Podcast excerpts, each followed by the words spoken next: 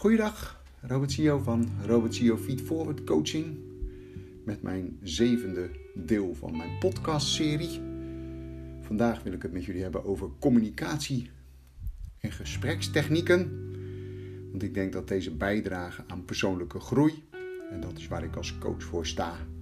Dat ik mijn coaches help in hun persoonlijke groei. Dat ze hun doelen sneller gaan halen.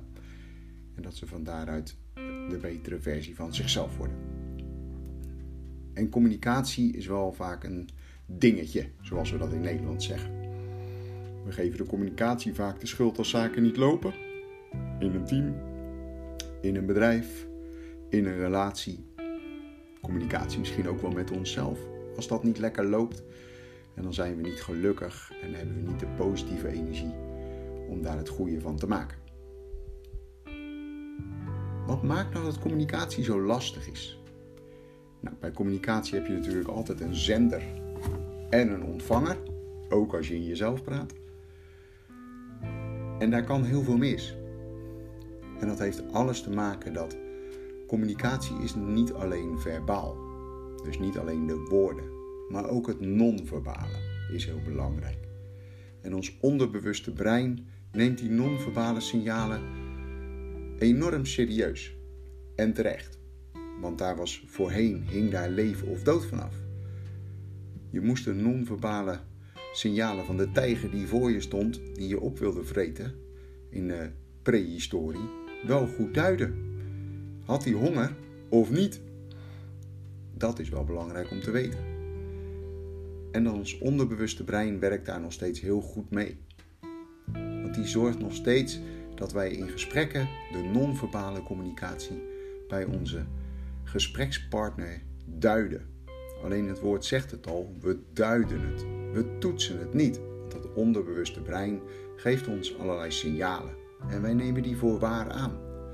Want dat is ons waarschuwingssignaal. En we gaan niet toetsen of dat waarschuwingssignaal wel klopt. Er zijn allerlei onderzoeken die bewijzen dat de verbale communicatie 20% is en de non-verbale 80%. Er zijn ook onderzoeken die zeggen dat de verbale maar 5% is en de non-verbale 95% of verbaal 30 en non-verbaal 70. Uiteindelijk doet het er niet toe. Je ziet dat de verbale component van communicatie het minst belangrijk is. Dus wat je zegt kan er niet gedaan worden door wat je uitstraalt, door je non-verbale houding. En als je met iemand in gesprek ziet, zit en je ziet dat de non-verbale houding niet congruent is, wat doen we dan? We gaan oma meebrengen.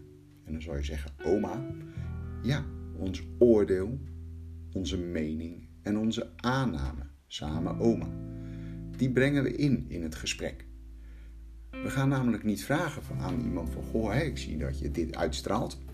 Nee, we maken er gelijk een aanname van en daar baseren we ons mening en ons oordeel op. Als dat zo is, dan snap je waarom het non-verbale zoveel impact heeft in communicatie. En dan snap je waarom het ook heel vaak misgaat. Want als je aanneemt dat iemand boosheid uitstraalt, terwijl die misschien helemaal niet boos is, dan word je op het verkeerde been gezet. En dan komt wat er verbaal gezegd wordt al heel anders bij jou binnen dan dat het bedoeld is. En daarbij geldt wel een mooi riedeltje. Wat wordt gezegd wil nog niet zeggen dat je dat ook hebt gehoord. Wat je hebt gehoord wil ook niet zeggen dat je het hebt begrepen. En als je het wel begrepen hebt, wil nog niet zeggen dat je het hebt geaccepteerd. En dat heeft alles te maken met de non-verbale communicatie die ook meekomt. Want letterlijk teruggeven wat iemand tegen je heeft gezegd is op zich al een kunst, omdat je wordt afgeleid door de non-verbale communicatie. Dus als je non-verbale communicatie waarneemt in een gesprek, en dat doe je onbewust, is het fijn om je dat ook bewust te worden en dat te benoemen. Van hè, ik zie dat je dit uitstraalt. Het voelt voor mij alsof je dit zegt. Het voelt voor mij alsof je deze lading aan het gesprek geeft. Dat soort opmerkingen. Daarnaast heb je natuurlijk op het verbale ook de gesprekstechnieken, die je natuurlijk allemaal al wel eens gehoord hebt en die je allemaal kent en nauwelijks toepast. De gesprekstechniek waar ik het over heb is LSD. En dan bedoel ik niet die drugs waar je prachtige muziek mee kan maken, zoals Led Zeppelin dat deed, maar ik bedoel luisteren, samenvatten, doorvragen.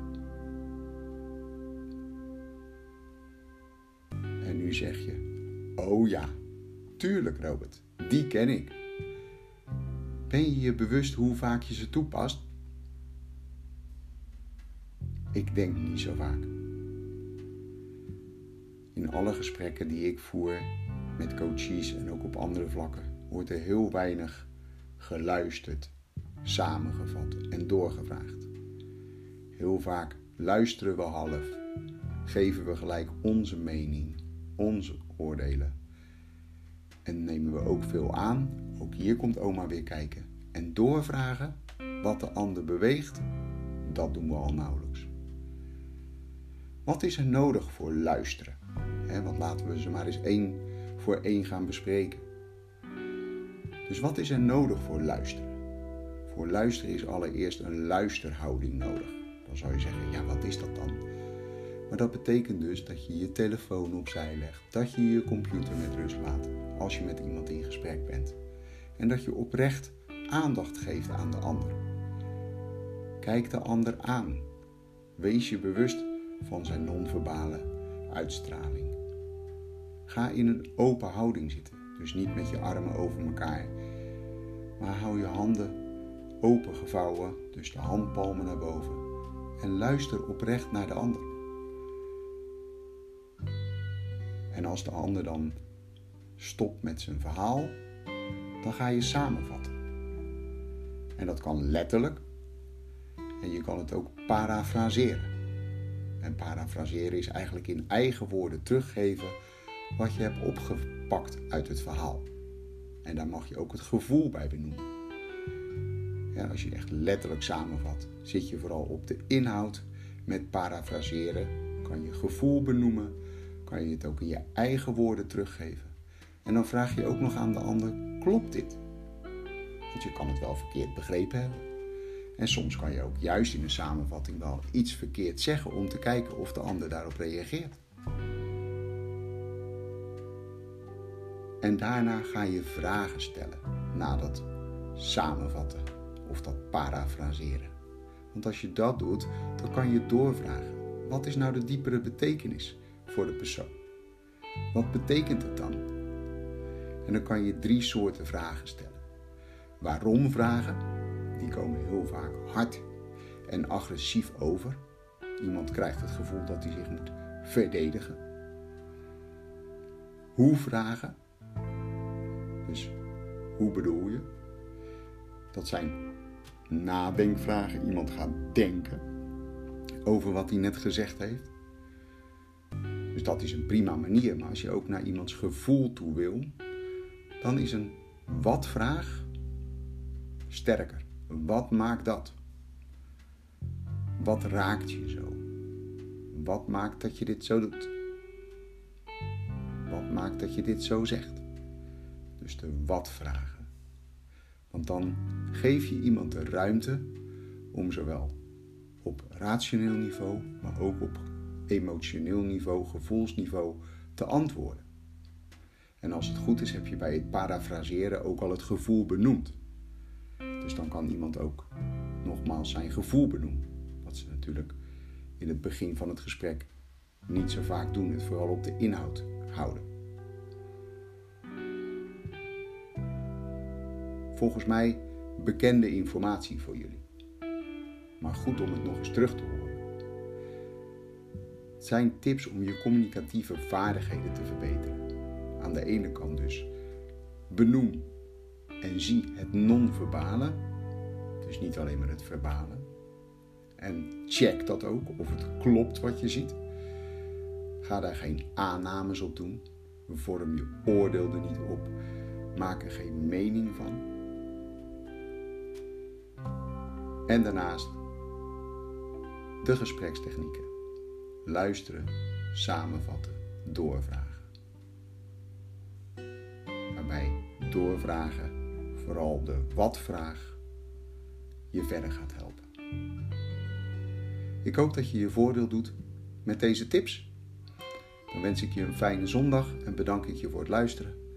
En dan spreek ik je volgende week zondag weer. Fijne dag!